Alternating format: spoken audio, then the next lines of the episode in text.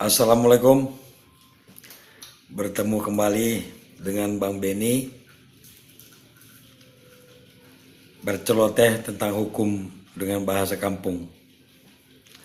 Bahasa orang sederhana saja. Kali ini saya akan berbicara sedikit tentang penahanan.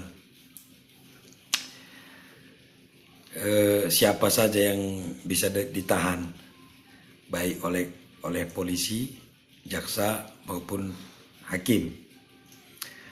Orang yang uh, bisa da eh, dapat ditahan bahasanya dapat ya artinya bisa ditahan bisa tidak. Dapat ditahan adalah orang yang diduga melakukan tindak pidana berdasarkan bukti permulaan atau bukti-bukti yang sudah cukup minimal dua bukti dan keyakinan penyidik jaksa atau hakim di mana ancaman hukumannya itu di atas lima tahun. Namun ada juga di beberapa pasal yang ancamannya di bawah lima tahun dapat ditahan. Lalu apa eh, persyaratannya atau alasannya eh, tersangka eh, dapat ditahan? Nah, di dalam undang-undang diatur bahwa seseorang dapat ditahan apabila dikhawatirkan akan melarikan diri atau dikhawatirkan mengulangi perbuatannya dan juga dikhawatirkan e, menghilangkan barang bukti. Jadi orang ditahan itu tidak sembarangan, ada alasannya.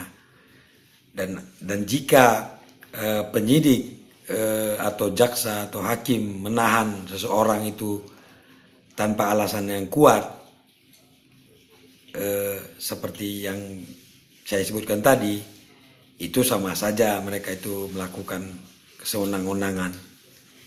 Karena tidak harus ditahan orang yang eh, jadi tersangka itu.